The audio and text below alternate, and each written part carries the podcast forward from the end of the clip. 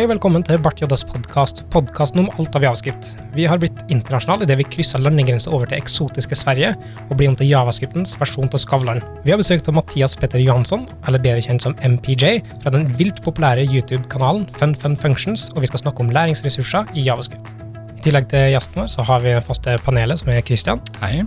og Marius, Hei. og vi er Mikael. Mathias, hva foretrekker du, Mathias eller MPJ? När vi är i en sån här skandinavisk kontext så kan vi säga Mattias. Mattias. Eh, men MP, MPJ har ju tillkommit för att det finns ingen jävel som vet hur man uttalar Mattias Petter Johansson i Amerika eller något annat land. Det har blitt ganske kjent. Vi søkte på MPJ på Google. Første resultat, GitHub, MPJ. Yes! Eh, vill du introdusera dig själv lite? Snacka om vem är du? Mm, kan jag göra. Jag eh, heter Mattias Petter Johansson, eh, MPI, för att det vi precis pratade om. Jag, eh, det blir klurigt att introducera sig när du precis har sagt vad det är jag gör. Jag har en YouTube-kanal som heter Fun Fun Function som har eh, 150 000 subscribers ungefär. Eh, och den är en, sen några månader tillbaka mitt, eh, mitt heltidsjobb. Innan dess så jobbade jag på Spotify, jobbade där i ungefär fem år. Innan dess har jag jobbat på en himla massa ställen, eh, eller varit konsult och ungefär totalt sett 13 års erfarenhet som Mm. mjukvaruutvecklare. Så blir det litt eh, kanskje vanskelig å bryte en språkbarriere eh, i løpet her. Litt uheldig som Marius og jeg, og til dels eh, Christian, har eh, litt tjukk norsk dialekt som er vanskelig å, å fatte tak i. da. Det är ju en disclaimer i den här podcasten att jag får intrycket av att det är lättare för eh, norrmän att förstå svenskar än det är för svenskar att förstå norrmän. Vi pratade lite om varför, men det, det, det var strunt samma. Men det ska i alla fall sägas, så det kommer att bli lite så här att jag bara, vad sa du nu? Eh, Men eh, Fun Fun Functions, function, Mm. entallsform, Fun fun function. er vilt populær, som sagt i introen. Den er 160 000 150. 150 000. Mm. Jeg tror 160. Nej, du borde Fan. vara en vete bäst. Oh, ja. Nej, det, det, nej. Jag har sökt. Fakti, faktiskt inte. Alltså jag tittar faktiskt inte så mycket på uh, subscriberantalet. Youtubes primära metric i eh, viewing time, så det är det man stirrar sig eh, blind på. Det är det absolut viktigaste. Ja, jeg trodde jeg gjorde research i stad uansett, men det er gan- ganske, ganske stor sånn For det er programmeringsinnhold, programmeringsvideoer, som det er. Og 150 000, 160 000 er mange i programmeringskontekst. Ja, det är helt galet. Det är så sjukt många människor som håller på med JavaScript. Det er utelukkende javascripts-innhold, eller? Ja, alltså jag försöker ju hålla kanalen någorlunda generell så att den handlar mycket om programmering. Men min publik är eh, till extremt stor del eh, webbutvecklare. Så det är lite så här att den, den handlar om generell programmering, att den förklarar liksom vad är en monad, vad är en funktor och liksom så här, vad är dependency injection. Men den förklarar nästan allting ur en JavaScript-kontext. Liksom. Den, den antar att du kan lite JavaScript. Liksom. Jag tänker mig personen som jag har i huvudet när jag gör fanfar Function är en person som är ungefär ett år in i sitt första jobb. Mm. Jeg har uh, googla mens det snakka, og det er 149 532. Snart 150. Ganske nærme 150. Det er ikke så langt unna like mange som subscriber som det bor i Trondheim by. Det är sjukt. Men vad med demografin, sån geografiskt sett? Vet du det? Inte på rak arm. Det är ju det är gans, eh, ganska mycket svenskar men det är eh, den stora bulken är ju eh, amerikaner. Väldigt mycket från Brasilien. Jag är väldigt eh, extremt stor i Brasilien. For, for du har det på engelsk. Ja. Var det et konkret valg? Sto det mellom skal det svensk eller skal det engelsk, eller var det Det naturlig? var, det var aldrig ett val. Jag- Alltså jag ville Mm. ha en internationell publik och jag ville att jag ville ha stor reach med kanalen. Kan, kan du fortelle litt om hvordan du starta med Fun Fun Function? Du menar varför jag startade? Ja. Mm. Det började med att jag läste Scott Adams eh, självbiografi som är en typ en självhjälpsbok i kostym av, av en självbiografi. Eh, ganska dålig bok, men han har två bra eh, insikter varav en är att man ska inte följa sin passion, tycker han, utan man ska istället utgå ifrån och klura ut vad har, man ska tänka, vad har jag för orättvis fördel över alla andra människor? Och då kommer jag fram till att det är att jag är ganska hyfsad programmerare och jag råkar också ha en bakgrund inom- teater och tv-produktion, vilket är en super, super ov- ovanlig kombination. Mm. Eh, Så då tänkte jag, okej, vad kan jag göra med det där liksom? Och då tänkte jag först att, ja men då kunde jag vara ute och föreläsa och sådär liksom. Men det visade sig att ingen betalar för eh, föreläsningar eh, inom tech för att Google och Facebook är ute och föreläser för att rekrytera. Så det skett sig. Eh, men sen så eh, ledde det liksom förr till att jag startade en YouTube-kanal för att det var helt enkelt så jag kunde tillföra absolut mest värde. Och jag hade också liksom tidigare förebilder liksom för när jag började lära mig programmering, jag tittade mycket på Railscasts Mm. och liksom så här, videoproduktion med, eh, med programmering kändes som en bra grej. Och det var ingen som gjorde någonting som var ens i närheten bra. Det var liksom, det behövdes verkligen bra programmeringsinnehåll på YouTube. Det mesta var bara dolt bakom paywalls. Har du sett det ändra sig något särskilt? Har, har det blivit mer innehåll på YouTube eh, Ja, nu i ja. löpet av den perioden? Absolut. Nu finns det ju flera som är oerhört duktiga. I synnerhet är det finns ju kanaler som är större än min. Eh, som Sirash till exempel. Som är, eh, jobbar mycket med maskininlärning som är liksom hans produktionstakt och produktionshöjd är extremt imponerande. Så nu är det ju verkligen så att jag känner att wow, nu måste jag hålla mig on my toes för att det kommer riktigt, riktigt bra nya kanaler. Og så er det mange som driver med livestreams mm, i mange forskjellige tema. Fra alt eh, maskinlæring til hardware til funksjonell programmering til mange forskjellige programmeringsspråk. Og det er også en sånn ny bevegelse som kommer. Det med livestreams. For du, driver primært med YouTube-redigerte videoer. Mm. Jag, alltså jag börjat experimentera lite med livestreams och det är ju extremt roligt. Man får en helt annan feedback med publiken och man har ju liksom det är väldigt, väldigt tillfredsställande. Men eh, samtidigt är det också, alltså det är ju avskyvärt i meningen work-life balance för att du måste liksom så här, ja du, du måste göra det här på eh, en viss tid liksom Mm. varje vecka. Konsekvent. Altså eh, Ja, samme tid for å få retention til å Ja. Exakt, och du måste streama ganska mycket. Sweet spoten är sådär tre dagar i veckan. När jag pratat med Twitch, för de har varit i kontakt med mig och vill få mig till att börja streama. Jag har lite svårt att bara få in det i min rutin, även fast jag tycker det är väldigt, väldigt roligt. For nå gir du ut én video hver mandag. Ja. Pluss litt i tillegg. Ja, i vissa fall har det liksom avvikit och blivit mer, men för det mesta håller jag mig till bara en i veckan. Det är inte så mycket med kanalen som är konsekvent. Jag tillåter mig själv att vara ganska så här vild i att hitta på nya ämnen och i nya format och sådär. Men den här veckocadensen har alltid varit så här religiöst viktig för mig. Att Mhm. folk kan bygga en rutin kring det. Mm. Att det ska vara en show som man får varje vecka. Det är liksom, jag ville inte att det här skulle bli någon så här bibliotek av tutorials som jag byggde upp, eller av, av en kunskapsbank, utan det skulle vara någonting som folk liksom, ja det är måndag, nu är det en PJ liksom. ja for du har, den der eh, catchphrase òg. Just det, good Monday morning. Ja, kom igjen, da. Mm. Good Monday morning! Dårlig gjort å liksom bare kreve på den. Men eh, er det mye forberedelse for en sånn type episode? Særlig sammenligna med livestream, så er det kanskje eh, Livestream er bare Mm. kode, kode, kode, kode. Mens det er en episode med editorial innhold, da, Ja, oh ja. eh, tar lengre tid å lage. Jag räknar med att ett avsnitt tar ungefär två arbetsdagar att göra. Manuset är kanske så här fyra till sex timmar av det och sen så är inspelningen kanske någon, någon timme och sen så är klippningen ja, nästan resten och så någon timme där på slutet för att skriva beskrivningar och ladda upp och sådär. Ja, og, og bloggpost eller sånn informasjon om hva det er, eh, gi ut kode, sånn sosiale medier-ting, kanskje ekstra lage Altså det er my- mye rundt det òg, da, å lage videoer. Inte så mycket, det är en ganska liten del. Jag skulle tro att det tar en till två timmar. Just nu så skriver jag manuset i Visual Studio Code. Jag skriver liksom manuset som kommentarer och sen skriver jag koden och sen så blir det mer manus och sådär. Inkrementelt eh, kode sånn, kode sånn, Ja. kode sånn. Jag har kommit på nu att det är jävligt nice att skriva det i, i um, så här ifis. Eh, Ja. För då blir det liksom ett, eh, så, då kan jag liksom så här kopiera hela blocket liksom för allting får ett block. Altså da en uh, immediately invoked anonymous function. Exakt. da. Nå blir jeg forlegen veit å snakke om det, men ok, jeg har, eh, jeg, har videoer på YouTube. Oh! Du valgte faktisk å, å ta det med, altså? Ja, jeg vet, det blir litt sånn banalt og litt dumt. Men jeg holdt på i snart to år, og det er ukentlige videoer i to år, omtrent. Oken, vad betyder okentlig? Hver- Weekendly. Ja, Ah, okej. Every Mm. week. Yeah. Ah, okej. Mm. fredagsmorgen. Mm. Så det er s- 80 episoder foreløpig. Och 96 subscribers. Ooh. så du skaffat ungefär en med de här.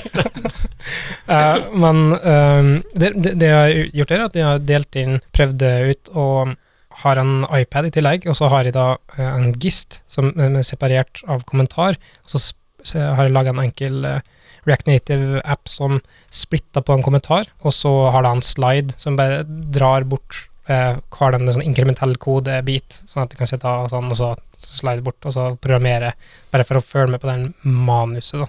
Eh, men det er samme måte med kodebit, kodebit, kodebit, separert i en, i en eh, IAF eller en CIAF eller Ska vi prata lite om tillväxt sådär? Vill ni att jag pratar om hur jag fick kanalen så populär? Eh, Gjerne det, men jeg skal finne fram notatboka mi, så jeg kan skrive et par eh, tips. Folk frågar ju ofta liksom hur kunde du växa, alltså för att, eh, Youtube-kanalen drog ju iväg ganska fort och då frågade folk liksom hur gjorde du för att växa den så fort? Och svaret på den frågan är väldigt enkel liksom för att jag, det gjorde jag inte. Jag hade en jättestor publik på Quora sen innan. Eh, som jag överförde till Twitter och sen överförde jag den i sin tur till YouTube liksom. Så jag gjorde, satte footers i Quora, följde med på Twitter och sen så kunde jag i sin tur puffa YouTube-videorna därifrån. Så jag hade en ganska stor publik redan. Och Quora var ju någonting som jag bara gjorde under ganska lång tid. Liksom. Jag så här, bara satt och skrev svar liksom, när jag inte orkade jobba på jobbet. Och grejen där är ju att Quora var en växande plattform. Det var, det var ingen som, när jag började med Quora så visste ingen vad Quora var. Och det var absolut ingen som skrev om programmering på Quora. Så att jag täckte ju upp liksom hela webbutvecklar programmeringsspektrumet eh, eh, på Quora, liksom, för jag var typ den enda som var där. Mm. Och i takt med då att Quora växte så växte liksom min dominans där. Så att det var, det var mitt tillväxtknep som jag råkade komma på där av misstag var ju att hitta en färsk plattform och, och växa med den. Mm. Det var, det var det som är mitt claim to fame egentligen. Min eh, video er på norsk, da, så det er litt begrensa, litt begrensa marked. Cirka 96 stykker. Jeg tror du har nådd eh, peak, Ja. peak subscribers. Faktisk, forrige uke så mista jeg en subscriber. Oh, det var no. brutalt. Hur, eh, hur stor är liksom det största programmeringsmediet i Norge? Finns det någon, någon programmeringspodd? Vad skulle det kunna, alltså hur, vad, vad är ditt potentiella maxtak där egentligen? Jeg tror makstaket sitter her. Jeg tror det er den eneste YouTube-kanalen på norsk som driver med programmering. Det er litt eh, trist å si det nesten, egentlig, men eh, Men det er så mye konkurranse på internasjonalt Mm. basis, Mm. da. Sant? Altså, fun fun function. Det er, ingen, det er ingen grunn til å se min video når du kan se din video i sand, sant? som har 150 000 følgere. Det at det er på norsk, tilfører egentlig ingenting. Eh, jag vet inte om det är sant. Jag tror bara att folk inte vet om att det ens, alltså att det finns norsk content. Om man söker så här, nu slängde jag upp ett för, eh, en episod om generators, liksom folk kommer bara söka på generators, de kommer nog inte liksom tänka på att söka på generators norsk liksom. Mm. Och sen så är det ju, har du också problemet att, jag antar att Norge är som Sverige, att det, folk kan engelska väldigt bra. Ehm, så att det är ju i, eh, som till exempel i, jag eh, jag har varit och pratat i Brasilien och då får man reda på liksom att det är ju väldigt liten, alltså förvånansvärt liten andel av folk som bor där som pratar engelska. Mm. Eh, så att de, övers- det, de har ju live-översätter ju eh, allting till portugisiska. Eh, och det skulle man inte få för sig att göra på en eh, norsk konferens. Nei, eh, men det jeg tenker at når jeg se- leser bloggpost, for eksempel, så jeg ingenting på Altså, jeg får ingenting ut av at det er på norsk. Det kan like så godt være på engelsk. Eller som med videoinnhold. Engelsk, norsk. Det er sånn interchangeable. Så Jag, det. jag tror att skandinaver har, är lite overconfident när det gäller hur bra vi är på engelska. Det är en väldigt stor fördel att ha ett eh, modersmål. Det, även fast vi är väldigt bra på engelska så är vi inte tillnärmelsevis lika bra på engelska som vi är på vårt modersmål. Så Nej. jag tror absolut att det skulle tillföra mycket för folk att ha innehåll på sitt modersmål faktiskt. Nei, eh, kanskje. eh, eh, Enig i at eh, vi, ikke, vi kanskje tror vi er bedre til å snakke engelsk enn vi er, men eh, fleste programmerere i Norge skjønner engelsk godt nok til å ta det inn ganske ufiltrert, tror jeg. Det, det er i hvert fall ikke så farlig. Det er ikke så mange subscribers, og det er liksom key takeaway. Eh, og det, og det, men det betyr ikke at den bruker mindre tid på det. Sant? Selv om det har lite traction, selv om det er få personer som ser på det, så tar det en del tid. også. Mm. Bare at avkastninga, eller du får ikke så mye ut av det. Jeg tror det er et eh, stort potensial her. For, eh, for meg sjøl så har jeg al det har aldri falt meg inn at det finnes programmeringsvideoer på YouTube. Jeg tenker alltid Egghead eller Frontend Masters eller hva noe enn annet. Så, så det Jeg visste egentlig ikke om Fun Fun Functions, eh, eller Function, Mhm. før eh, sånn nå nylig, egentlig. Og, Litt frekt å si, da. ja, ja, men altså, det er helt ærlig. Eh, Så jeg tror det, jeg tror det er et stort potensial her, da. Mm. At vi må bare bli klar over at det faktisk finnes innhold på YouTube også. Mm. Har du, har du merka konkurranse fra Egghead og, og Frontend Masters og sånne ting? Det er vanskelig å si, kanskje. Och Hur skulle jag ha märkt det? Eller så här, det, de fanns ju redan innan. Eh, Det är väl snarare de i så fall som har märkt konkurrens från, från YouTube. Ja, Hva gammel er Egghead? Er ikke det ganske nytt? Egghead er ganske gammelt, faktisk. Altså relativt sett. Men, men alle disse tjenestene der koster jo penger. Du må jo subscribe på dem og betale penger, mens eh, innholdet ditt er jo gratis med mindre du velger å gi penger. Fordi du sa at du har nå jobba 100 Japp. med YouTube-innhold. Korrekt. Og det får du til fordi at Hur jag finansierar det? Ja. Eh, det är till absolut störst bulk i Patreon. Mm. Så att jag har en eh, Patreon som grundbelöningen är tillgång till eh, Fun Fun Forum som är ett privat forum för eh, Patreons som jag, jag har väldigt lång erfarenhet av att driva communities, så jag ville, det, det kändes som en ganska kul grej att Mm. göra ett privat community, plus att liksom internet är att diskutera på internet offentligt liksom bara sådär, det är ganska, kan vara ganska, Mm. hur säger man, hur uttrycker man det här, lite kallt. Mhm. Eh, I synnerhet liksom inom programmering så är det liksom så här stack overflow och ganska så här osubjektivt och man till det är väldigt strikta ramar på hur man får diskutera och sådär. Jag tyckte det var gött att bara ha något ställe där man bara kunde komma och ställa frågor och det är okej att man Mm. känner sig lite dum liksom. Men jeg tror at det å putte tilbake en eh, Det at man må støtte på Patron for å få tilgang til Fun Fun Forum, har gjort det til en veldig mye tightere plass. da. Japp. Jeg har sjøl tilgang til Fun Fun Forum og syns det er veldig trivelig der. Det er jo stor aktivitet da. du betaler for eh, Fun Fun Function, men du ser ikke videoene mine. Det er nøyaktig grunnen til at jeg ikke har noen subscribers på YouTube. Jeg har kjent det i 20 år, og du har ikke sett Nei, Nei det tar jeg, tar jeg på min gape, faktisk. Ja, men jeg, jeg tror du, du har et poeng da med at det, du betaler for det, så behandler du det mer respektfullt. Ja. Og det tror jeg er viktig. da. Man har ju committat lite. Mm. Man har ju köpt in i det så att säga. Sen eh, gällande, Patreon är ju en sån här plattform som jag tycker att folk missförstår ganska mycket. Jag spenderade ju, för att lyckas med det måste man, precis som alla andra plattformar, göra sin hemläxa lite. Ja. Så jag spenderade väldigt, väldigt mycket tid med att titta på andra framgångsrika Patreons och liksom så här, jag, en, van, en vanlig video, jag pratade om att en vanlig video tog, eh, tar kanske två dagar och, och sno ihop Patreon-videon la jag säkert liksom 20 dagar på att Mm. skriva manus på. Bara för att den skulle bli precis rätt och liksom genomtänkt av lanseringen och sådär. Har, har du typisk eh, fulltidsjobb på, med det? Med det innholdet du lager og sånn? Er det eh, 37,5 timer i uka med Nej. jobb? Gud nej, alltså det är, jag har helt fruktansvärd disciplin. Eh, jag har verkligen inte kommit in i någon så här skönt lunk, komma till jobbet liksom. Det är ganska många veckor som jag bara så här skjuter på allting och så gör Mm. jag avsnitten lik förbannat på söndag natt. Det är svårt att bryta gam- gamla mönster. Mm. Ja. Men det er jo friheten du har da. Jag önskar dock så här nu, jag, jag satte ju måndagsreleaserna för att det skulle vara lätt och eh, jag tänkte att det var den dagen som jag skulle vara absolut enklast att hålla mig till disciplinmässigt, för då skulle jag liksom, om det sket sig under arbetsveckan så skulle jag göra dem på eh, söndag natt. Mhm. Vilket fungerade jättebra liksom när man hade ett heltidsjobb. Men nu när jag har det som heltidsjobb, då vill jag istället skydda min helg. Mm. Eh, så då skulle jag vilja ta dem nu så här, typ släppta, släppa dem på fredag morgon så att jag tvingade mig att göra dem på torsdagarna. Men eh, eh, ja, nu kan jag ju inte ändra det för nu har jag ju så spenderat tre år med att skrika Good Monday morning in i folks huvuden.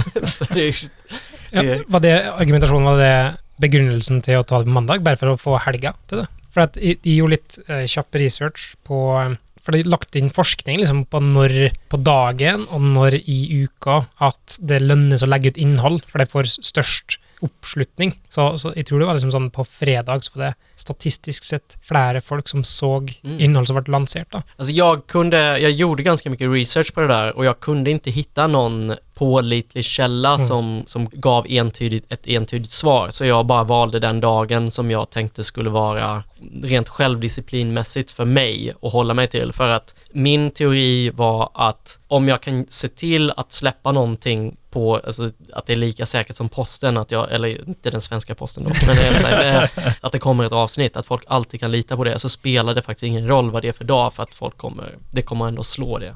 Har du, eh, har du endret litt måten du tenker på å lage innhold når du tar betalt for å lage innhold? Har det, har det endra litt liksom, mindsetet rundt eh, å lage innhold? Når, når du får penger for å få lage innhold? Ja, det har nog gett mig lite mer respekt för publiken kanske.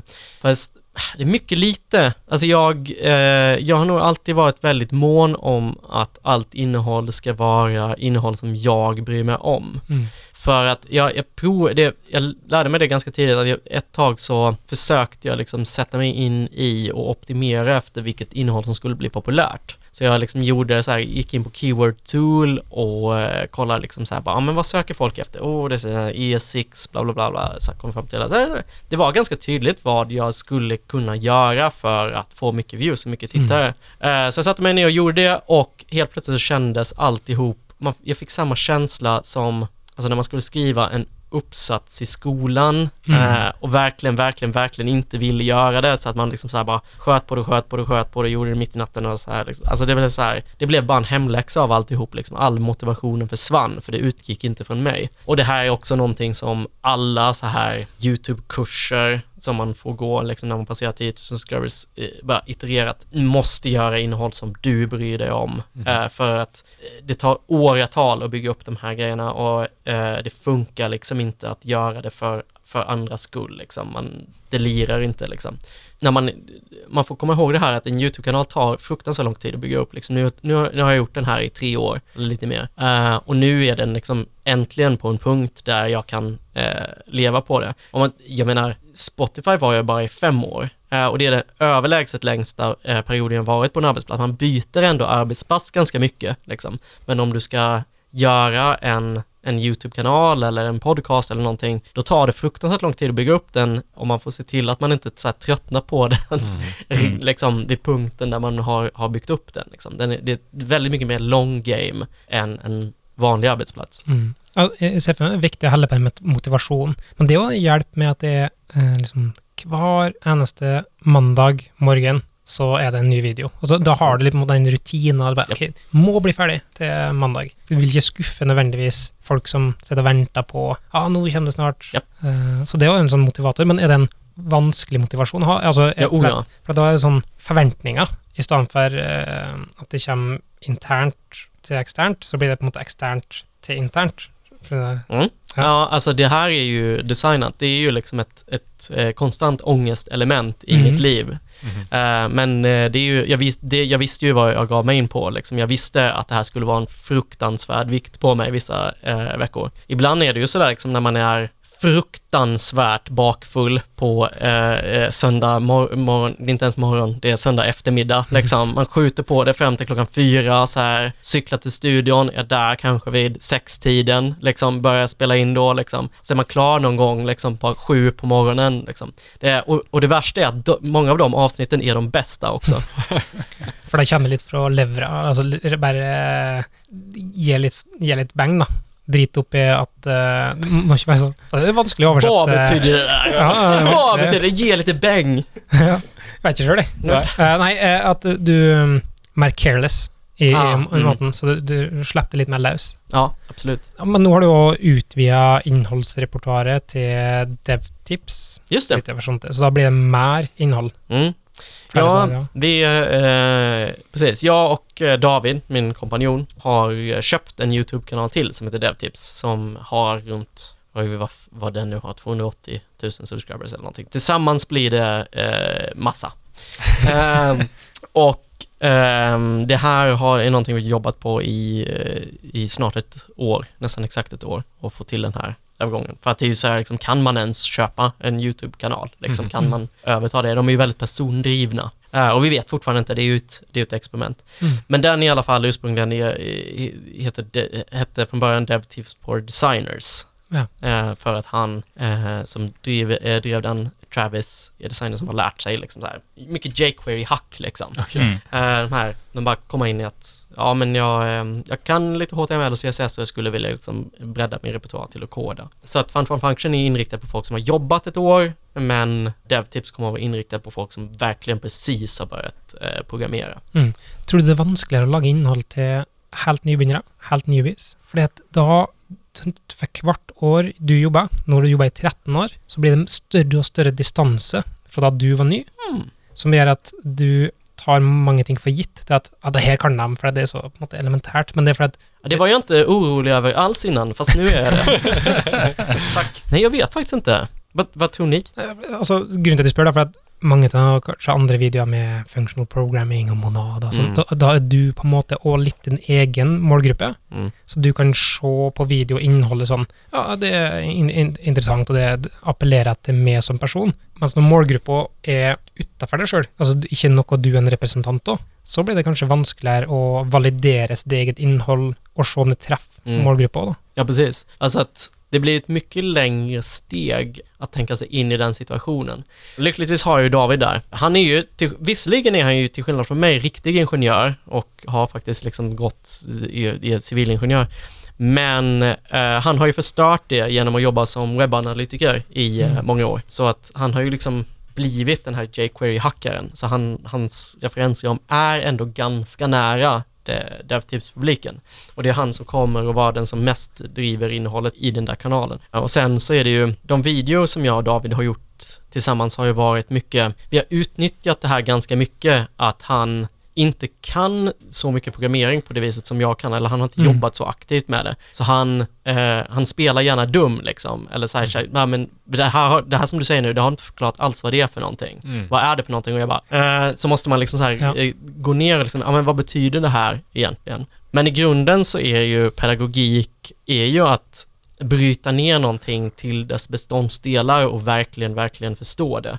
Mm. Eh, som till exempel många av de här, jag har, jag har precis gjort den videon som jag släppte i, i, um, i måndags som, om generators, är ju mycket bättre än min tidigare generators-video just för att där i den förra generators-videon utnyttjade jag lite att jag har en slags programmerar-intuition, liksom att Mm. jag kan så här bara intuitivt fatta grejer och använda grejer utan att egentligen kunna förklara dem och förstå dem på dess beståndsdelsnivå. Mm. Och det gör liksom att det, den förra Generators-videon som jag gjorde var, var inte speciellt bra för att jag så här, jag förstod inte vad det var som byggde upp dem, jag förstod liksom bara att, ja ah, men okej, om jag skyfflar ett promise här så kommer det ut här, jag, jag, jag greppar konceptet liksom. Mm. Var det ikke Richard Feynman som sa at hvis du ikke skjønner et problemstilling nok til å kunne forklare det enkelt, så har du ikke skjønt det? Precis. Og det er litt, litt det, da. Men- Jag, har en ännu bättre variant på det citatet och det är... På svenska? ehm, ja, ja, ja, det kan vi göra.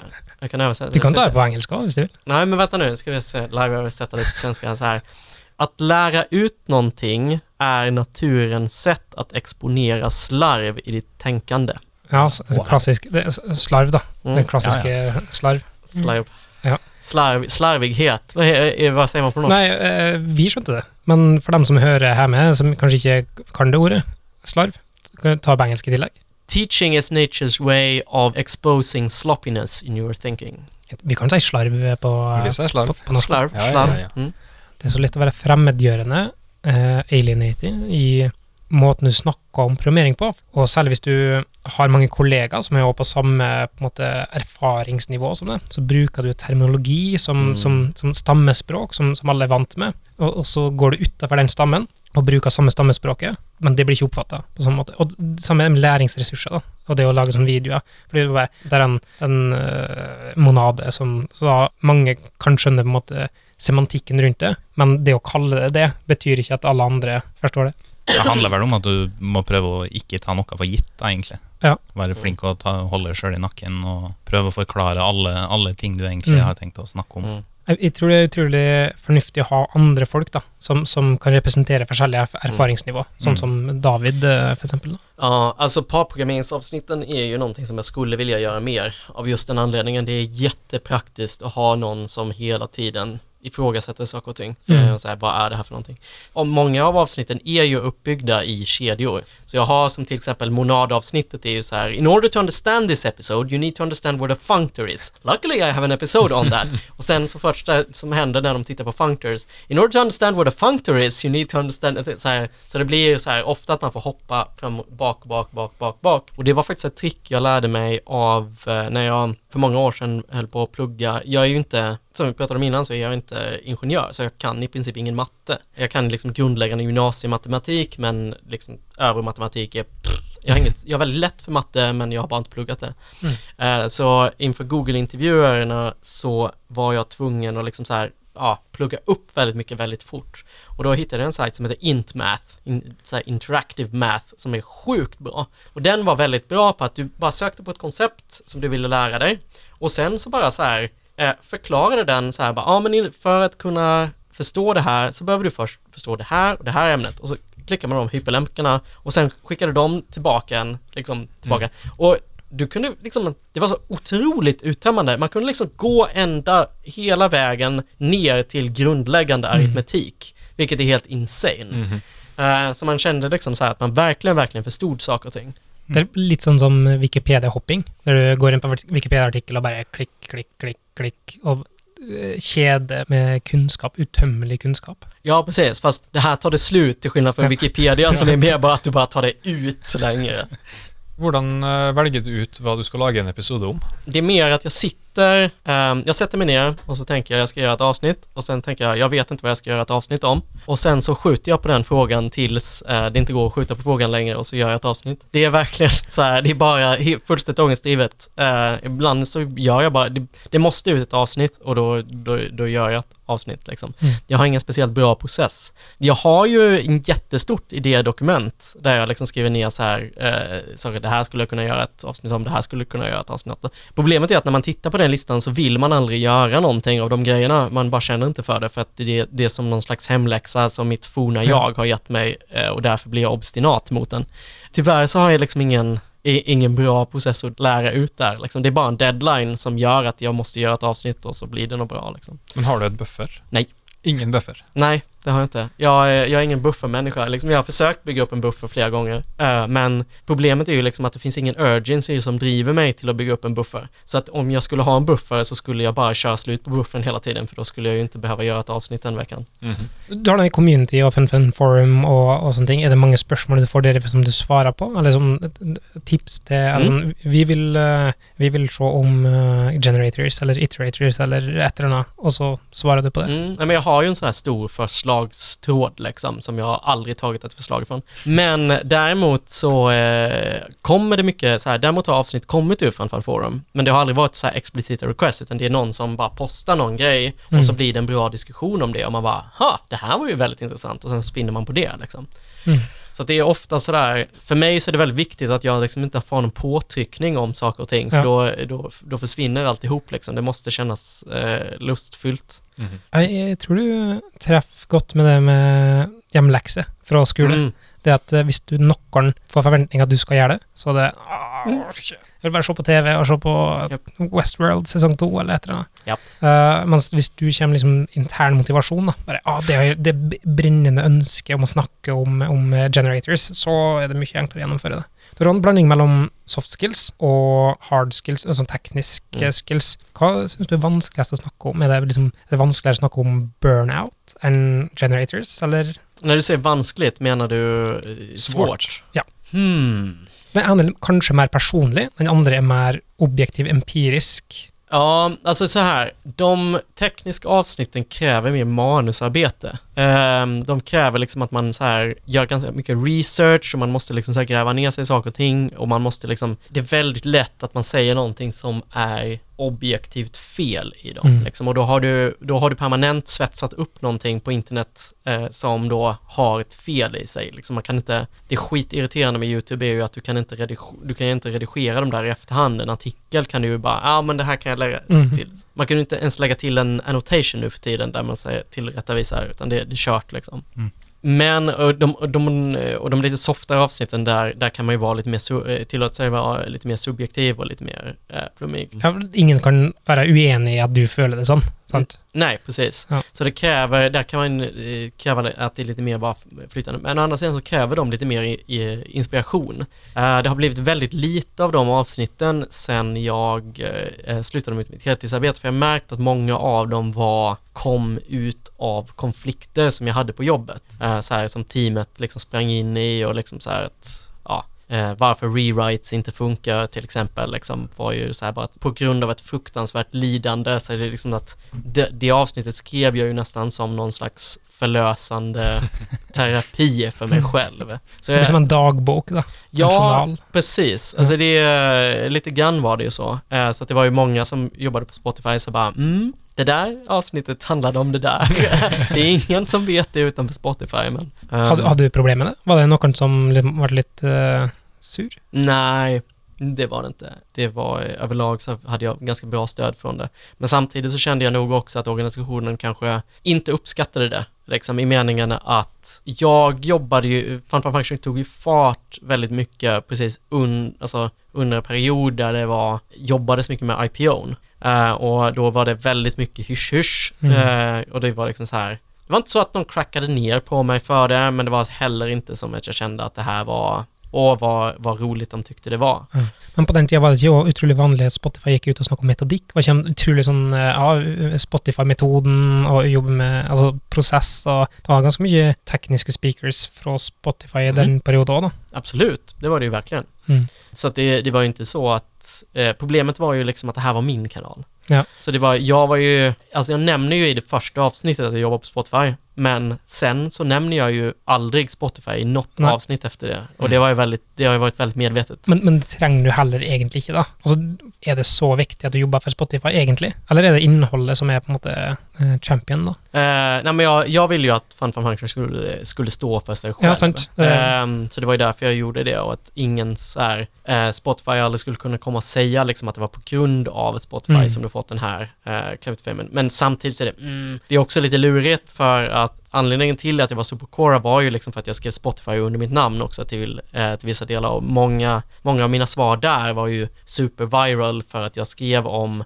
så här, det här faktumet, en av de absolut mest distribuerade artiklarna jag skrev där var om random-algoritmen. Eh, eller så här, ingen trodde att shuffle-algoritmen var random. Och det är den inte, för att när det var helt random, då det var verkligen ingen som tyckte den var random, för att människor tycker inte Mhm. att random är random. Mhm. Så då, eh, Man skal tro at random er likt distribuert, sant? ja precis.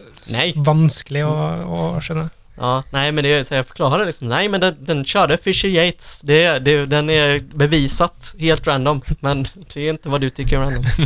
random betyder att två låtar kan komma precis efter varandra. Ja, liksom. Spotify gir meg portugisisk indiepop nesten hver uke i- Discover Weekly. Endelig har det kommet sånn downvote-greier. Jeg takler ikke mer portugisisk indiepop. Jeg skjønner ikke hva de. Og det og finsk. Hva er det mest kontroversielle uh, videoen du har laga? Det er sånn mest diskusjon, ikke kontroversiell i sånn eh, YouTube-kontroversiell stil, men, men Mm. eh, som folk har på en måte lidenskapelig vært opptatt av. Jag drog ett skämt om Vim. Det skulle jag fan inte gjort. Eh, De er så lidenskapelig opptatt av Ja, Vim. gud. Eh, Du har hørt den vitsen om eh, en som har brukt Vim, har kanskje i løpet av 20 år spart 20 minutter i effektivitet, men brukt to uker på å evangelisere det til andre. Åh, gud. Det där är... Ja, eh, jag tror att min skämt var så här eh, sjukt mycket tid man tar, lägger på konfigga Vim. Jo, men jag vet vilket avsnitt det är. Det var mitt avsnitt där jag, jag pratade om svårigheter med eh, remote work. Mm. Och där, det träffade mycket känslor hos folk. Alltså för att jag, det jag inte riktigt tänkte, jag, det var ju liksom egentligen inte ett avsnitt där jag var jättenegativ mot remote work. Jag bara tog upp liksom tre stycken svårigheter som jag hade observerat i team där, där det här sprungit in i. Men det var oerhört stark eh, negativ respons från eh, grupper där. Och när man tänker på det så är det ju, man hotar ju lite folks livsstil där. Liksom många, många lever ju kring det här och att påpeka liksom att ja, men det här har faktiskt fundamentala problem. Att, att ha den ståndpunkten blir ju således extremt opopulär. Mhm. Det blir ju, man, det finns inget sätt att mötas där. Mm.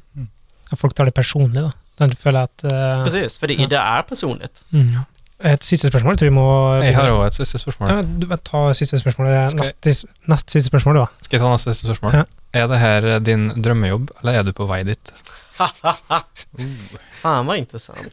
Ehm, just nu så är det, jag, med jobb så ser jag, tidigare så försökt, eh, försökte jag liksom maxa mitt självförverkligande i jobb. Eh, men jag har släppt det där lite grann och istället så ser jag jobb som att jobb är aktiviteten där du försöker leverera så mycket värde till andra människor som möjligt. Det är inte en, det, det är liksom inte ett jobbet är inte en plats för dig att, att, att uttrycka dig själv. Det kan du göra på, på andra ställen. Liksom. Det, jobbet är till för att du ska vara andra människor till tjänst. Och ur den synpunkten så känner jag att jag har kommit väldigt långt. Liksom. Jag känner att jag har otroligt hög utväxling av alla mina färdigheter och den jag gör. Jag känner att jag, jag hjälper många mer människor än jag, än jag gör. Däremot så är det, börjar jag nu tänka i termer liksom, kan man göra det här ännu större? Kan jag liksom inte bara hjälpa folk genom YouTube, kan jag också hjälpa andra programmerare att starta YouTube-kanaler liksom och så nå ännu mer distribution på det viset. Så jag hoppas liksom att kunna bredda det på det viset och kunna starta liksom ett, ett, faktiskt ett helt nätverk kring det här. Mm.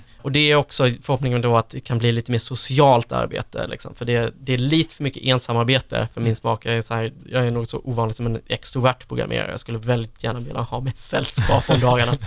Eh, det vore nice också. Så gå over til Nå eh, er det sånn eh, Nå er det mer teach the end user, men nå teach the teachers to Japp. teach the end users. Ja. Exakt. Det da eksponentiell økning av impact, da. Precis. Så det är ju eh, så här, jag blir ju aldrig nöjd. Jag är väldigt snabb, eh, jag är väldigt, väldigt snabb att komma till punkten där jag blir missnöjd. Att eh, så här bara, ja men hur skulle det här kunna göras bättre? Jag är väldigt dålig på att götta mig i mina framgångar. Mhm. Liksom. Du skal få muligheten til å gi ekstra mye reach nå, og eh, tenke hva er det beste tipset du, kan gi til noen som har lyst til å starte med YouTube-videoer? Börja nu, alltså verkligen nu. Alltså köp en mick och börja nu till helgen. Trenger du liksom dyr mikrofon, dyrt eh, Eh, Kamera. Köp, köp en Blue Yeti. Den är bra. Den kostar, eh, ja gud vet, den, den är säkert skitdyr på 13, norsk. 13, 1300 kroner. På, Ja, precis. Ja. Gud vad allt är dyrt i Norge. Mm. Ja, köp, köp den inte i Norge. Eh, Kjør Nej, men- over til Sverige, eh, ta med litt brus. Nej, skitsamma. Köp den bara. Köp den bara. Eh, och, och sätt igång direkt. För att det, det är det absolut viktigaste. Bara, bara kom igång. Eh, det är så himla lätt att planera och liksom så här tänka ut strategier och prokrastinera liksom. Men det viktiga är att, att komma igång. Det är ingen som kommer kom, kolla på eh, dina gamla grejer liksom. Alla glömmer bort det liksom. Och, eh, och om de gör det kan du bara ta bort kanalen och starta en ny. Alltså det Ja, pluss at kör- hvis, så at du blir kjempepopulær, da, så er det bare sjarm. Den gamle, den første videoen der det er dritdårlig, eh, så er det bare aha, Det är bara så, roligt, det är ja. bara gulligt liksom. Mm. Pewdiepies första video liksom. Den där Justin Biebers första, där han laddade Mm. upp, är ju super, super gullig. Nej men bara, bara kör igång och försök inte mäta dig mot ett ut- utopiskt ideal, utan försök att mäta dig mot den förra videon som du gjorde och försök slå den. Det är det absolut viktigaste. Og sånn, for å snakke fra erfaring, da. Det verste som kan skje, er at du ikke får. Og, og det er liksom ikke, det er ikke krise. Det er ikke krise. Videoen eksisterer likevel.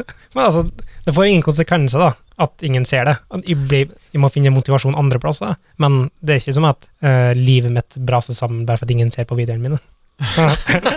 Vi får prata lite om det här. Det, är, eh, det där med att jobba med tillväxten är ju också, eh, det är ju en, det är en konst i sig själv. Mm. Um, Jeg, jeg, tror, og jeg tror du ser det på dem som har lykkes. da. De har eh, kanskje mer sånne egenskaper som, som du snakker om, med å være ekstrovert. og det å være, eh, sant, eh, Du jobber med, som du sa, innen film og skuespill. Det å på en måte være mer litt Mm. sånn på da, eh, og engasjert og liksom en slags salgbar personlighet. Fan, alltså så här, det, jag vill inte liksom på något vis, visst har produktionskvaliteten påverkat eh, min framgång säkert, men eh, jag skulle ju säga att min, det har inte så mycket med min popularitet att göra. Jag tror att det är så här, det är helt enkelt för att jag var populär och därför kunde jag bli mer populär. Det är en snöbollseffekt. Liksom. Man kan, det är väldigt lätt, och när man har 100 subscribers är det väldigt lätt att skaffa 1000 subscribers. När man har 1000 subscribers är det väldigt lätt att skaffa, eh, eh, till, alltså det, det blir exponentiellt lättare hela tiden. Liksom. Mm. Och det finns liksom en slags det finns en hamp man behöver komma över där. Eh, och den är klurig som, som fan att ta sig över. Man behöver, man behöver nästan ha en strategi och ett sätt, liksom, hur skaffar jag mig de här första, liksom, hur, hur, hur kommer jag in i det här? Um, och det, det kan man inte göra bara med att producera, för att man måste ha den där första publiken från första början för att sprida den. Hvis det er noe Altså, hvor eh, går den for å finne YouTube? Bare google MPJ. Ja, eh, precis. MPJ. Ja, Så precis. finner jeg første Fun, fun resultat. Fun Fun Function. Og samme med på Twitter. At MPJME. Ja, precis. Ja. precis. Jeg viser meg spørsmål til deg, Kristian. Hvor går det an, da? Twitter, at Larifax To r-er, og 1x. NX. Marius? Vi finner på Twitter på attkrakels. Og meg kan du finne på Twitter på at Mikael Brevik, eller til Bart Joddas direkte på at underscore Bart Joddas. Takk for at du hørte på. Så høres vi i neste episode.